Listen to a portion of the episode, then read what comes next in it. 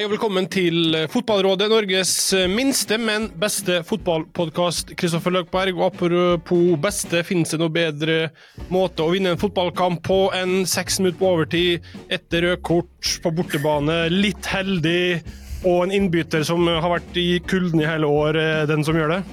Nei, det gjør faktisk ikke det, altså. Uh, og der vi Vi som var på sidelinja, var mer opptatt av etter 1 enn at her måtte vi være litt happy med å reise hjem med ett poeng. For vi må jo være såpass ærlige at uh, Vålerenga kjørte oss uh, i perioder, selv om de fikk et mildt sagt billig idømt straffespark, så tenkte vi at OK, alt i alt så er vi fornøyd med U, og så får vi det øyeblikket der. Så tror jeg hvis du googler eufori, så er det det bildet av en hel benk som springer samla og mister hodet borti bortesvingen. Eh, det var eh, gøy for de eh, mørkeblå i Oslo. Gøy var det vel òg på Åråsen. Ruben Yttergård Jensen, velkommen. Tromsøs favoritt bortebane omtrent blitt, eller? Ja, det, vi har gode minner derfra nå de siste årene. Så Vi, vi tapte mot dem i Obos og fikk kjørt oss, men vi har heldigvis klart å, å snu den trenden. Så Tapte mot dem for ikke så lenge siden på Alfheim, så det var godt å få en liten revansj. Den borteforma dere har nå, det må vel være noen rekordgode saker? Ja, vi er iallfall oppe og nikker med, med, det som er det beste som Tromsø har hatt. Så eh, det er artig. Det blir jo stort sett jevne kamper. Jeg, jeg tror ikke vi har vunnet mer enn ett mål siden Sandefjord i 2022 hjemme. Så det, det er lenge siden. Fy faen. OK, men uh, veldig hyggelig at du er med, i hvert fall uansett. Uh, Ett mål, Joakim Soltvedt, det er ikke nok å vinne med hvis du spiller i Sarpsborg. Da skal det helst være fem. Det er helt sant. Det Wilborn han liker mål, så det 1-0 er, ikke, er ikke han veldig fan av. Uh, og du er den som stort sett noterer deg for målpoengene i klubben. Jeg ser du har åtte så langt. Ikke verst det fra venstre back-kant-posisjonen din? Nei, det har, eh, det har vært eh, bra i år. Jeg har fått eh, god uttelling. og følte jeg skapte mye i fjor òg, men da fikk jeg ikke så god uttelling, følte jeg. Så det er utrolig gøy når det, når det renner inn. Og så oppsummerer vi som vanlig, Kristoffer, ved hjelp av SoMe, Twitter. Vi starter med Morten Langli. Han skriver norsk rekord i legeteip rundt håndleddet i denne serierunden. Er det fordi det er kult, eller mye skader i området? Hva er teip rundt håndleddet for noe? Jeg mener jo det definitivt stammer fra Det var vel Cristiano Ronaldo som begynte med vaset der for mange, mange år siden. Og så er det noen som har hatt litt sånn aua i, i håndleddet og sett sitt snitt til at da kan de må teipe rundt uh, håndleddet. Og det var jo en periode at enkelte klarte å selge sånne bånd. Der du liksom med å ha på deg et sånt bånd skulle liksom få bedre balanse, og det var ikke måte på hva de lurte på. Så det er overtro eh, for de aller, aller fleste. Og en av mange nykker du kan finne i, i og rundt en fotballgarderobe. Eh, ja, Ruben, hva sier du? Ja, Benzema var vel òg eh, brukere bruker av den teipen der. Så vi har noen, noen stoppere hos oss som bruker teip rundt, rundt arm, armene eller fingrene eller hva det er. Det, det er veldig merkelig. og det, det, er dyrt for klubben, så jeg er egentlig litt skeptisk til hele opplegget. Ja, Du er ikke noe for det. Joakim, hvordan er det med håndleddene dine i kampsituasjonen? Jeg eh, har aldri hatt noen skade i håndleddet, men eh, jeg må jo innrømme at jeg, eh, jeg har teipet håndleddet for noen år siden. Ja. Hva var årsaken til at du gjorde det? Nei, jeg har egentlig ikke noe godt svar, utenom at uh, det er litt sånn litt, litt, andre folk gjorde det, og da ja. henger man seg på. Litt estetikk, det kan være så enkelt som det, da? At det er Ronaldo? Ja, altså det, det, er kanskje ofte de samme typene som spiller med halvarmet og, og hansker som, som teiper håndleddene så det Kanskje vi er inne på noe der. Ja. Og det gjør du òg? Jeg kan gjøre det, men eh, jeg, jeg føler jeg er blitt eh, nå er jeg snart 28 år, så jeg eh, prøver å kutte ut de, de faktene. Så spiller jeg venstreback i tillegg, så det er ikke liksom helt det store. Nei. Men noen nykker må man ha når man spiller for Sarpelona. Eh, videre til Martin Eh, Sleipnes Kristoffer. Fy faen for en kamp med shithouseri, skrev han da Molde kara seg ett poeng på, i Bodø. Eh, og det var det jo, det var en oppvisning i hvordan å karre til seg noe når man er én mann mindre i en times tid. Det var det. Eh, De utnytta alle mulige situasjoner med en 50-50-duell til å dra ut litt ekstra, til å ligge litt ned. Det var noen kramper som kom der, og eh, du må nesten, da. Du har nesten ikke noe valg for å Oppe i Bodø her med én mann mindre, det tempoet du skal være med på å stå imot, så må du ta de mulighetene du trenger til å få deg en eh, pustepause. Må jo forresten gi ros da, til, til Hagenes, eh, som var relativt tidlig opp med det gule kortet til keeper der, da. Eh, som var ganske effektivt i så måte for å få i gang få i gang han til å gjøre det litt kjappere. Og så er det de der vanskelige situasjonene. Da. Det er en hodeduell. Hvis du har en midtstopper som eh, da ligger ned og holder seg litt til ansiktet eller hodet, du har ikke noe annet valg enn å, enn å blæse, da. Så da får du jo tatt med den tida du trenger. Så nei, noen, noen liker, noen liker ikke. Det, det, er bare en del av spillet vi må, vi må håndtere. Og så får dommerne gjøre sitt for å legge til nok tid, da, sånn at du får den overtida du kanskje trenger til, å, til at det balanserer seg med en skåring rett veien for dem som er irritert på det. Det her minner meg om en kamp som var spilt tidligere eh, for noen dager siden eh, i Bodø, der Tromsø eh, leda. Man nærmer seg overtida. Der glipp det. Hadde dere, hvis Mollekampen hadde gått i forkant, plukka opp noen kyniske triks, Ruben, som dere sjøl kunne ha dratt nytte av? Ja, vi er ikke kyniske. Vi ønsker bare å ha fint, eh, flott eh, festfotball. Så vi haler ikke ut tida. Vi, vi bare kjører, kjører, på og spiller, spiller valg. Nei, vi, vi, Molde er jo kanskje det verste laget sånn som for, for Glimt sin del, når de får en utvisning, når de bare ligger og kontrer. For da er Molde jævlig farlig. Vi hadde vel en kamp mot dem i, i fjor der vi føler egentlig at vi er ganske gode i banespillet, men vi taper vel 5-1 eller noe sånt. Sånn at det, når Molde bare legger seg i sekken og kontrer, så er de ekle. Brynildsen springer fra dem der, det er imponerende. Men den måten da å være kynisk på, eh, hva tenker du om det? Er det greit? Er det Ja, ja altså, jeg, jeg opplevde ikke at Molde var ekstremt kynisk i, i den kampen. Eh, vi, eh, hadde noe glimt på Alfheim, og dem, jeg opplevde dem som like kyniske da når de leda eh, i sluttminuttene da. Sånn at, eh, da var det han Patrick Berg som lå nede og må prøve å hjelpe opp. Sånn at eh, det er vel litt sånn alle lag gjør på, på slutten av kampene. Og så er det jo imponerende at Glimt at de klarer å diske opp flere sjanser på, på slutten der. Molde er jo solid i boks. Mm. Hva er din holdning til uh, det her aspektet av spillet, Joakim? Det å bruke Eh, nå sier vi at Molde gjorde det, da, men eh, i et tenkt tilfelle der faktisk et lag gjør det, det er å bruke kyniske, litt uh, skitne triks for å få et resultat? Nei, det er jo en, en, viktig del av fotball, egentlig. Og kanskje i Norge så er ikke det så utbredt som i mange andre land. Det, det ser vi nå kanskje litt på, på landslaget på måten man spiller fotball på.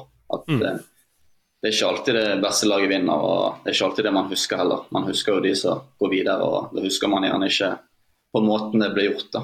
Eh, så er det selvfølgelig viktig med fair play og, og alt det der, men eh, selvfølgelig hvis du kan ligge nede litt, litt ekstra eller ja, skyte ballen vekk en eller annen gang så, for å vinne, så er det selvfølgelig det er lov og det er en del av spillet, men eh, mm. det er selvfølgelig ekstra irriterende for det motsatte laget. Eh, bra. Eh, Heinevik Kristoffer hadde en Twitter-melding. Han er bekymra for Viking, selvfølgelig. Finnes det midtstoppere i Obos som er klar til å gå rett inn på Norges nest beste lag? Uh, han har åpenbart glemt Tromsø, da, men tynt bakover, spesielt hvis Brekalo ryker. Skal jeg ramse opp hvem som står på lista nede på stadion her nå? Ja, jeg vet Ja, hvem er det du har? Nei, Vi skal gå til Obos, så eh, er det jo en Ranheim-stopper som er ganske heit, da. Eh, jeg tror eh, det blir Jeg blir veldig overraska om Sondre Langås ikke bytter klubb i, i sommer. Og så mm. får vi se om det blir hit, da, eller om det blir bare en kort tur til Lerkendal, eller hvor han skal hen. Men han er spennende. Eh, bra fart, som eh, ikke alle midtstoppere, midtstoppere har. og Rolig og fin med ballen. Så nei, bra type det også. Ellers så det, det, finnes jo ofte nå. Det jo eh, Det begynner å bli relativt dyrt å hente fra andre, altså konkurrerende klubber. da. Så hvis du klarer å se potensial i dem som spiller en divisjon under, så kan du finne gull. Eh, jeg innbiller meg at du følger med litt nedover i divisjonene, Joakim. Eh, jeg vet ikke hvorfor, men har du noe alternativ til Langås?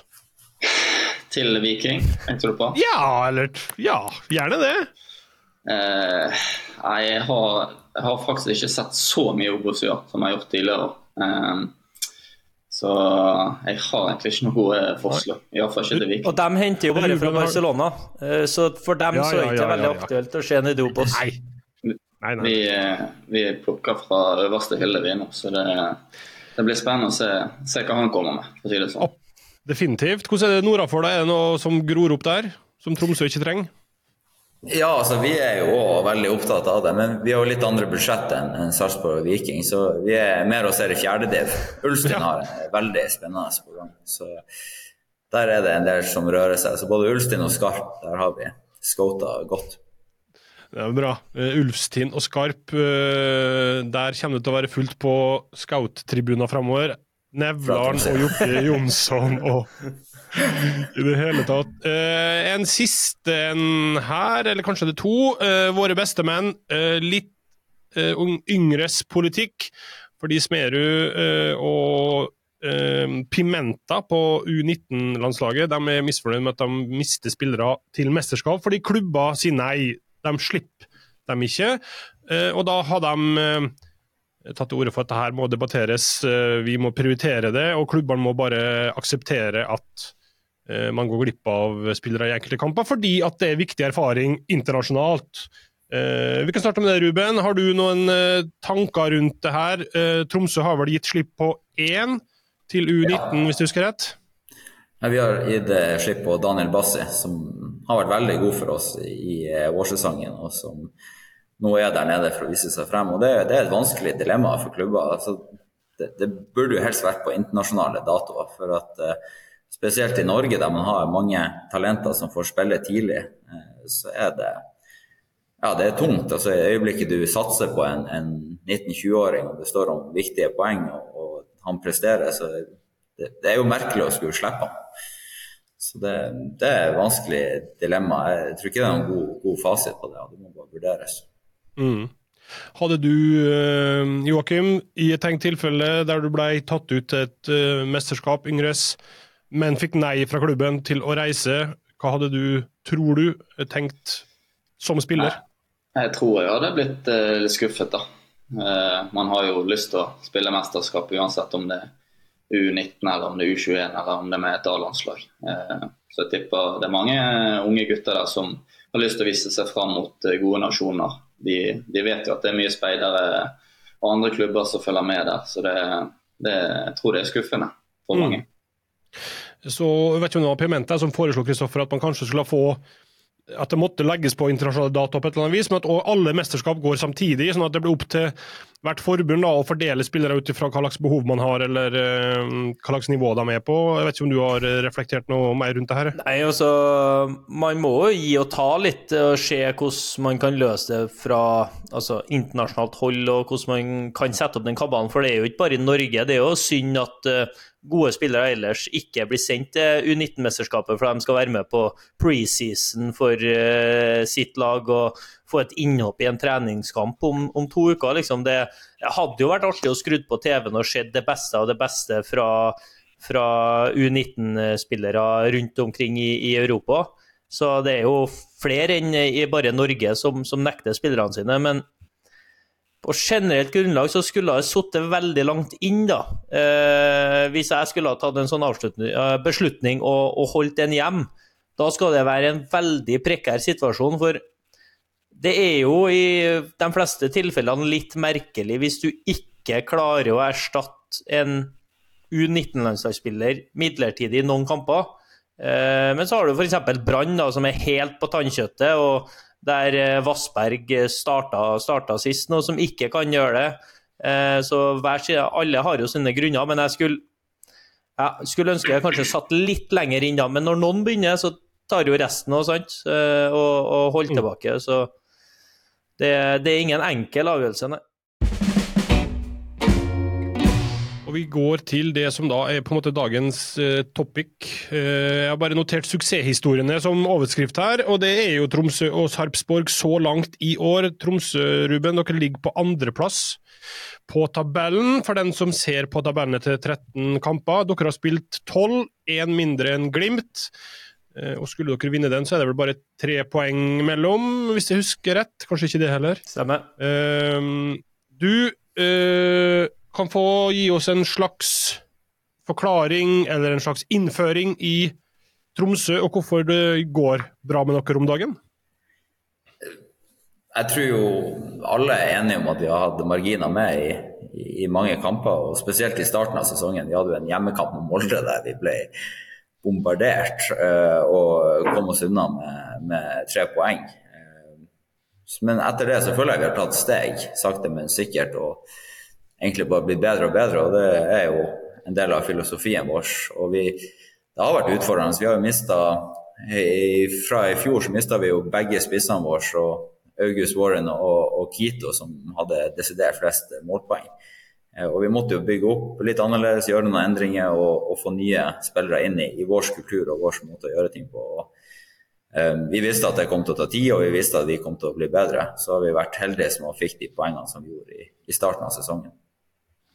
Eh, du har vært der noen år nå etter at du kom tilbake fra Brann. Eh, hva vil du si om kulturen dere har nå, kontra da du kom?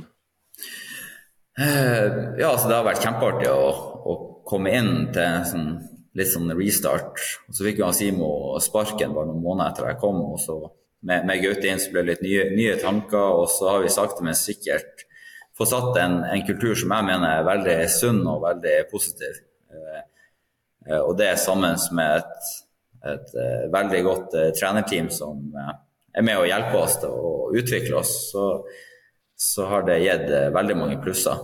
Og så er jo vi veldig opptatt av det at vi, vi snakker ikke om, om tabellen, det er ikke så interessant, faktisk.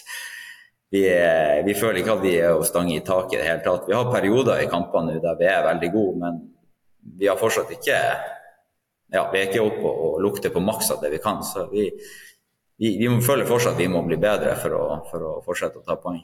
Mm. Eh, I Sarpsborg, da, eh, Joakim, der har det jo vært forventninger kanskje eh, de siste åra som ikke eh, man har greid å levd opp til. Eh, men i år så er det jo i hvert fall i tegn og spor av et lag som virkelig kan henge med i toppen. Hva hva vil du forklare dem, eller hva tenker du rundt det dere har gjort så langt i år? Nei, jeg tror det går litt på at vi har hatt eh, de trenerne vi har eh, ett år. Eh, og spillerne begynner å, å, skjønne litt hvordan vi skal spille. Og eh, ja, vi blir mye tryggere eh, på måten vi har lyst til å spille på. Eh, jeg tror det er mye av forklaringen. Ja. er det store endringer fra det dere var vant til. Eh, er det naturlig at det tar litt tid, eller hvorfor har det tatt litt tid? Nei, altså Vi kom jo fra Vi har spilt med ja, for Sarpsborg har spilt med fembackslinje når jeg kom. Eh, med Mikke Stare, som var veldig opptatt av det defensive og ligge i shape og, og sånn. Og så stakk han. Kom Lars Bohin inn med litt, litt nye ideer og prøvde å være en litt mer offensiv type, eh, men det var fortsatt fembackslinje.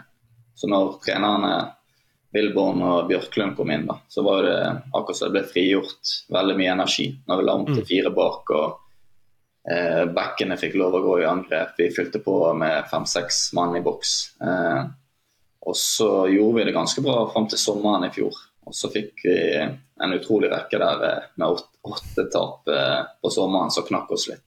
Eh, og det var mange av kampene vi følte at ja, vi spilte bedre enn motstanderen, men vi tapte og tapte. For vi var, vi var ikke kyniske nok. Eh, vi prøvde å spille oss ut eh, når vi ikke skulle det, og det resulterte i masse baklengs. Så mm. jeg føler vi er blitt litt mer kyniske, kyniske i år.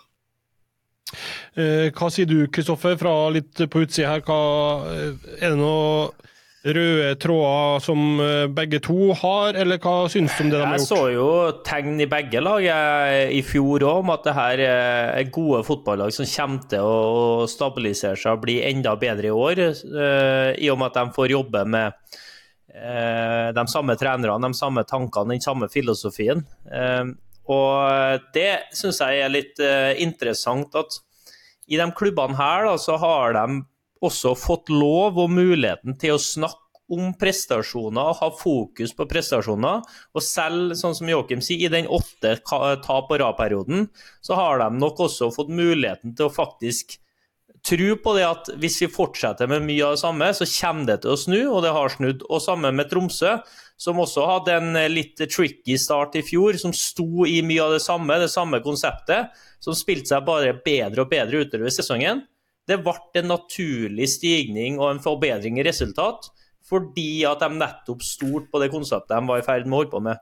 Og så syns jeg det er litt sånn hvis Det er artig å se, da, at f.eks. når Vålerenga taper i helga nå, og når Rosenborg taper i helga nå De som da bare prøver omtrent i og rundt de klubbene her og sier at Nei, men det var prestasjonsforbedring.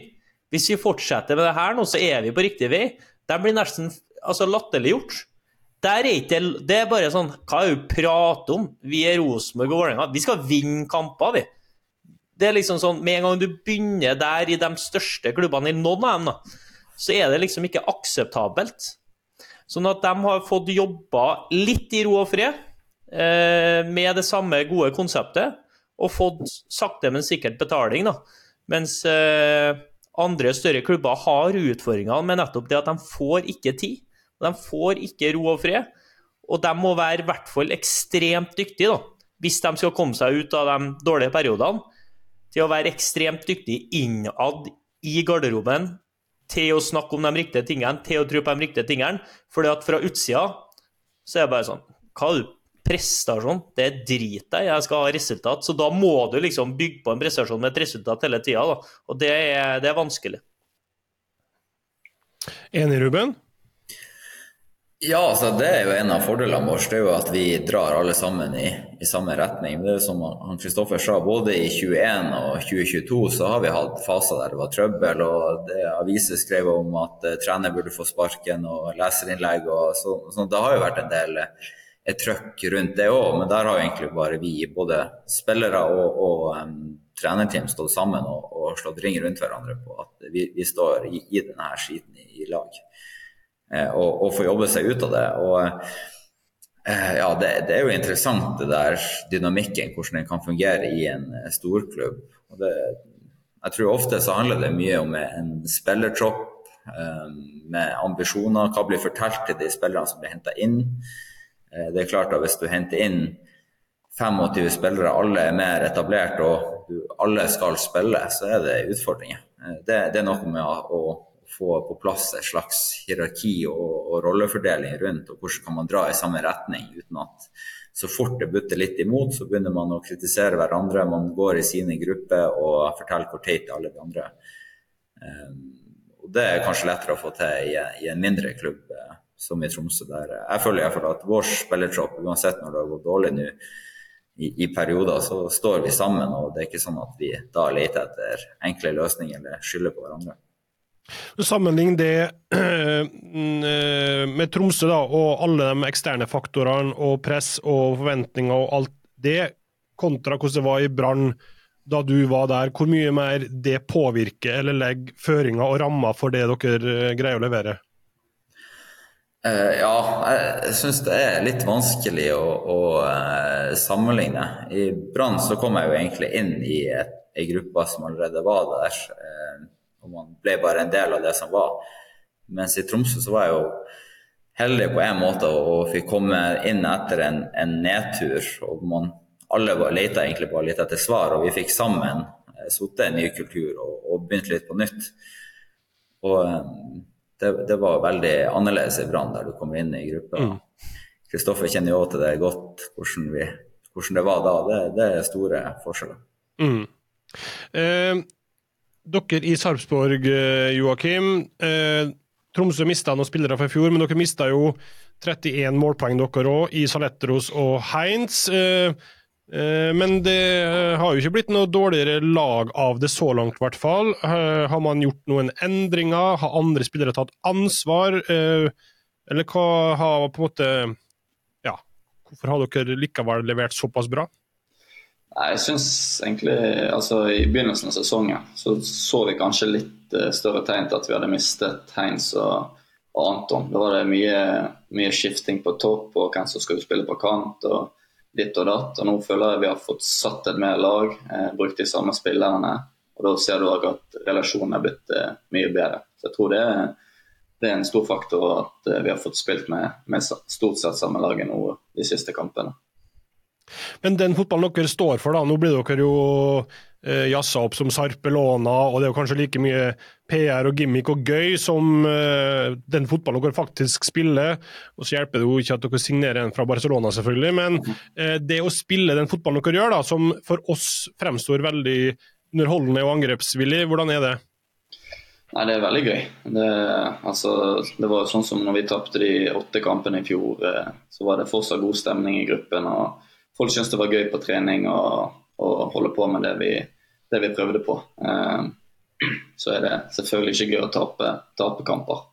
Man vil jo helst vinne. og det, kan du tenke deg hvordan stemningen er nå vi, når vi spiller fin fotball og vinner med tre-fire mål. Og, da blir det god stemning. Eh, og midtstopperen er nesten toppskåreren, så det er klart at da går det greit i Østfold. Eh, eh, hvis du Kristoffer, skal rangere Sarpsborg sin eh, underholdningsverdi i norsk fotball i dag? Er det noen som er morsommere å se på når det går bra?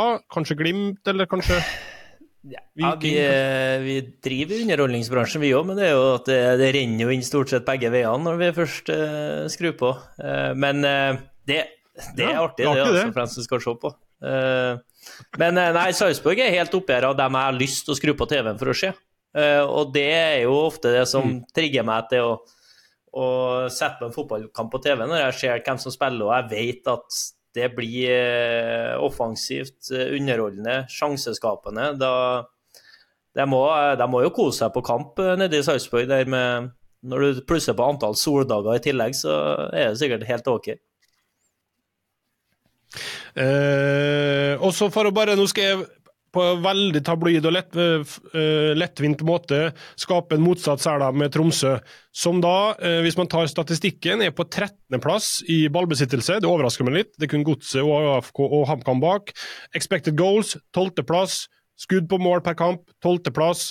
Store sjanser skapt. Sist i ligaen, og jeg vet ikke helt hva den statistikken egentlig er, men det er nå så. Uh, der er det sju store sjanser, Glimt har 34.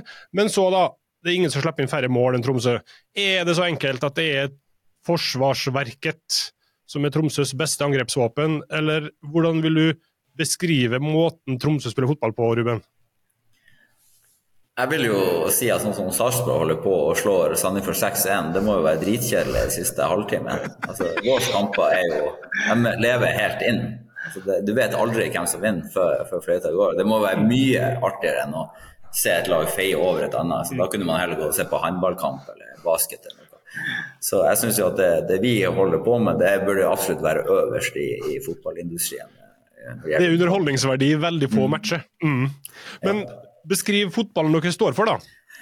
Jeg, jeg føler vi har en veldig sterk identitet. Og så eh, vi, vi er, har jo en pragmatisk holdning til det. Vi ønsker å spille ut bakfra, men vi gjør det for at de har lyst til å få en fordel med det. Og når mange lag ender opp med å gå mann-mann mot oss, så tvinger det ofte frem en lang eh, der vi får angripe få mot få. Eh, det vil òg gjøre til at vi får mindre possession enn andre lag. Eh, når, når, lag motspiller mot oss ofte er mann-mann, men som sagt, vi, vi, har ikke noe sånn at vi må ha mest ball i en kamp. Det gir oss ingenting. Vi, vi ønsker å få fordeler ut av de situasjonene som vi setter opp. Om det er år så langt, så er det er det den beste løsninga.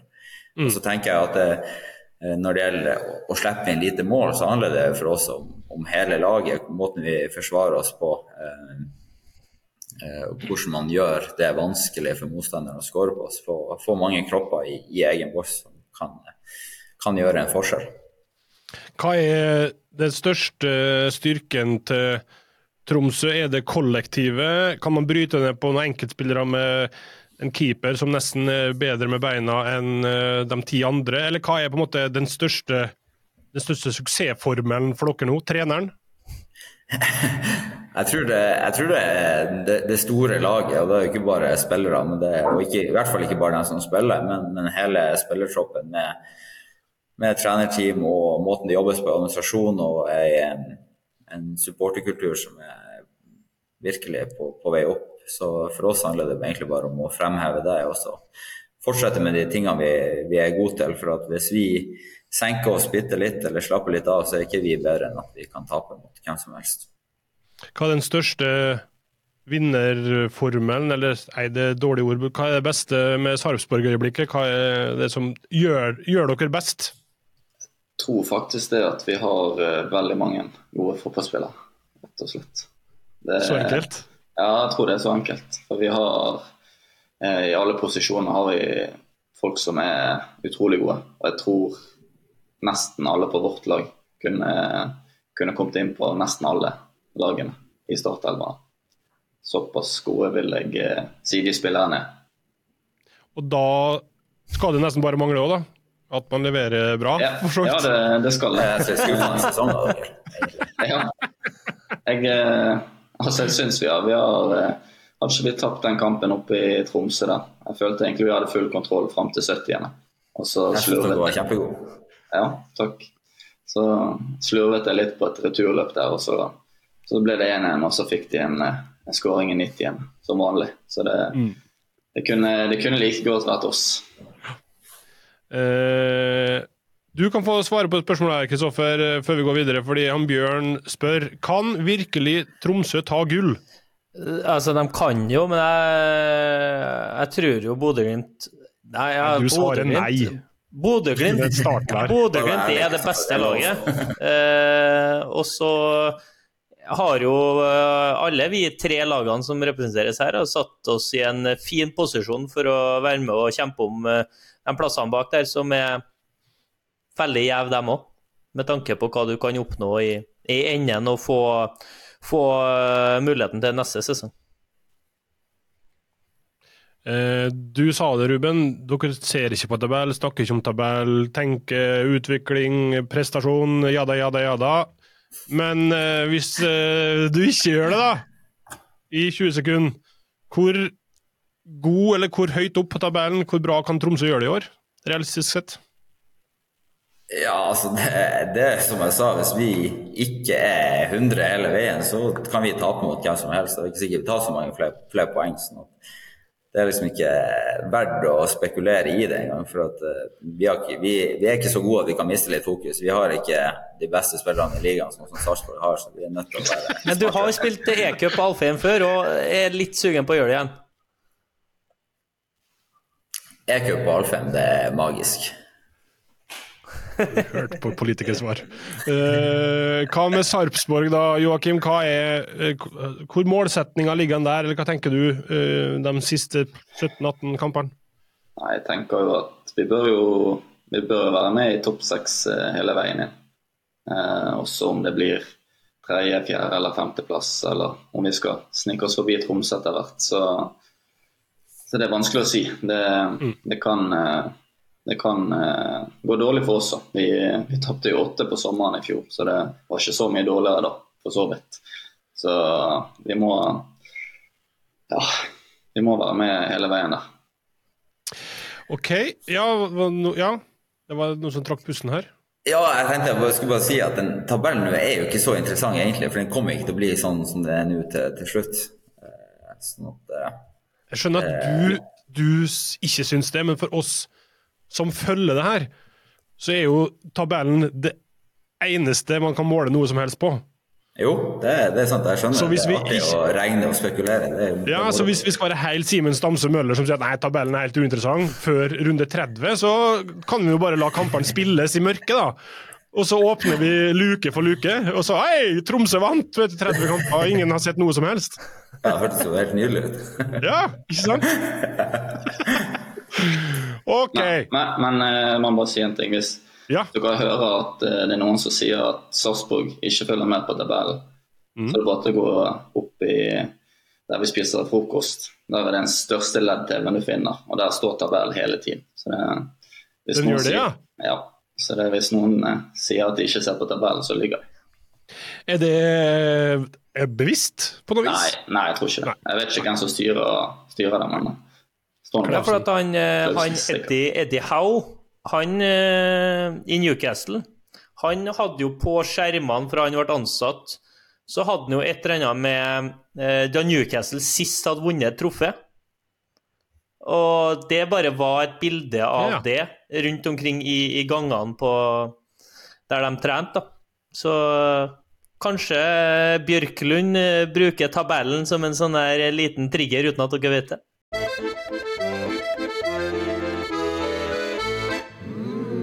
Tar uh, din faste spalte, Kristoffer. Uh, Løkbergs eh, løksuppe. Og uh, vi gikk jo på et forsmedelig tap da, forrige uke mot Raufoss.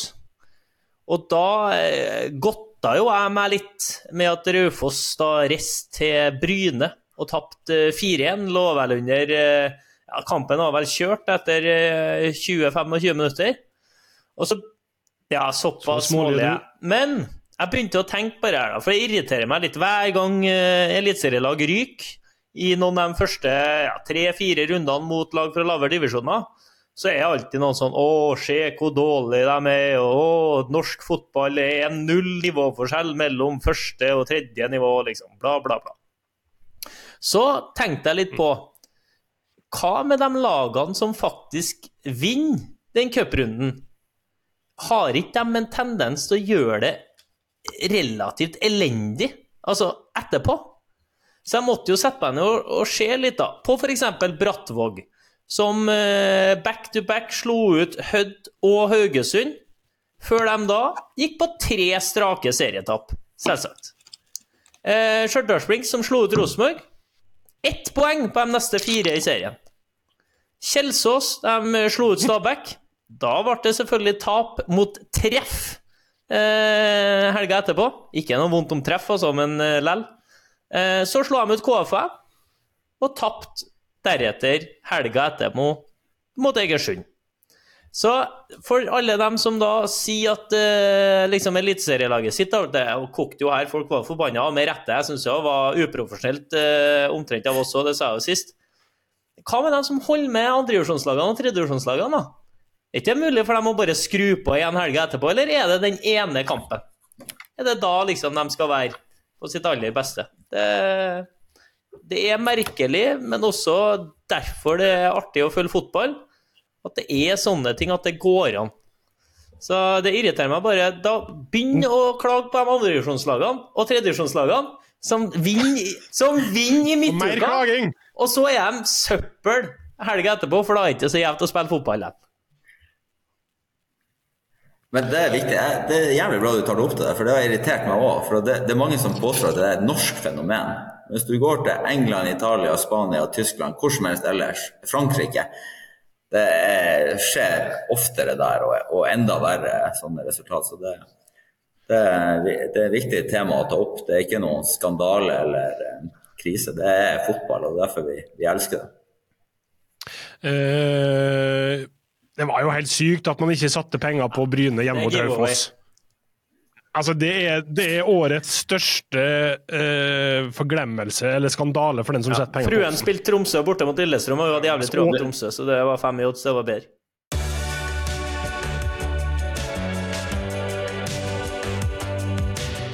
Sa det ja. Sa det ja.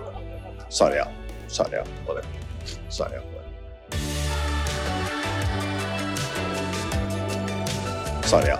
Sarja. Sarja. Sarja. Sarja. Vi tar noen eh, lytterspørsmål eh, innsendt av Anonym. Spør Sol om han er verdt prisen Sarp har satt på han. 8-10 millioner danske. Jeg vet ikke hvem dette her er, men eh, det hørtes dyrt ut. Ja, det er litt 12-15 norske, da. Ja. Nei, det, det tror jeg blir litt dyrt for meg, syns jeg. Ja, for Brann skal ha ny venstreback nå, sant? For du Ja. Brann skal ha ny venstreback, ja. I- Ikke etter helgen, tror jeg. Ah, nei, nei, stemmer faktisk. Nei. Han 18-åringen ja, som plutselig var verdens beste der. Det, det sto vel i, i B at det var ny, nye helten. Det er jo, Bergensavisen er jo akkurat så før.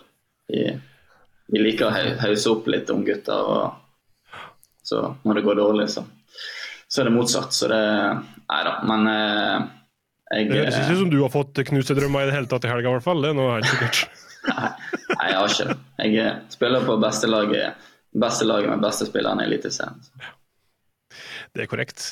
Eh, nei, men litt dyrt, da. Eh, en annen anonym en har sendt inn til det, Ruben. Gaute Helstrup har fått seg Jim Solbakken som agent. Ble du redd nå? Ja, det, det går det. Men Vi har jo egentlig ikke snakka om Gaute Helstrup i det hele tatt. Men eh, hvis du skal skryte av en, da, eller gi oss en eh, vurdering av en, hva vil du si? Han Gaute er ekstremt eh, sterk eh, faglig. Han er jo en skikkelig fotballnerd som lever ånde for fotballen. Eh, han er, sies jo å være Tromsøs største talent. Jeg var jo så heldig at jeg fikk se han spille live. Han var en veldig god fotballspiller som kanskje ikke fikk maks ut av karrieren sin av eh, flere årsaker. Eh, så han er en med de teamene han har rundt seg, så er de veldig komplementære eh, og har dekker nok det meste av spekteret som man, man trenger for å fungere som fotballtrener. Eh, bra. Eh, Joakim, Olai Årdal spør hvordan det var å være tilbake på campus og bli rundspilt i en time.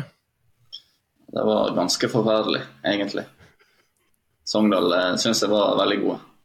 Så når de hadde til en 3-1 der, så ja, hadde jeg tanker om at eh, ja, da er vi ute, rett og slett.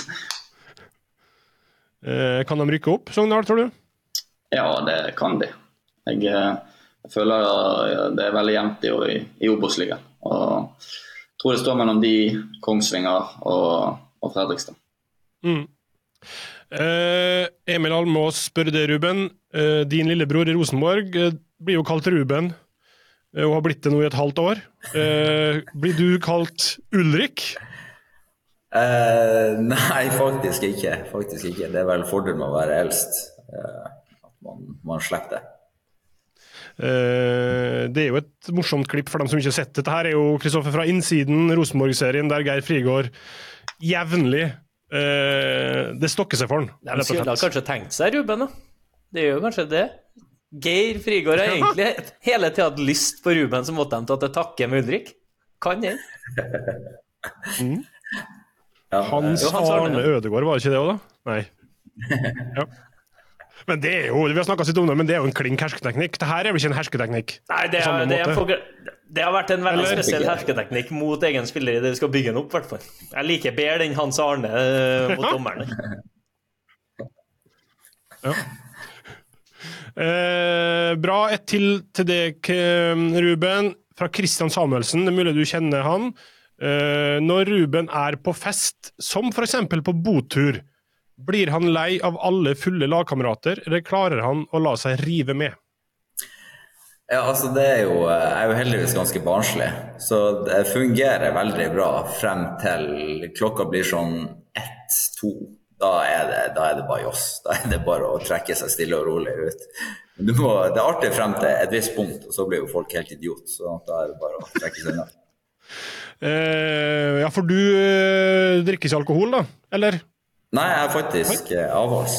Ja. Det er ganske utrolig med det gruppepresset som var spesielt i de 06, 07, 08-årgangene. Det var beina. Men du har lov til å drikke alkohol hvis du vil seriegull gull han på Tromsø. Ja, da skal, jeg, da skal jeg faktisk få lov å skjenke meg. Det er greit. Oi, oi, oi. På, på Makkøl, selvfølgelig.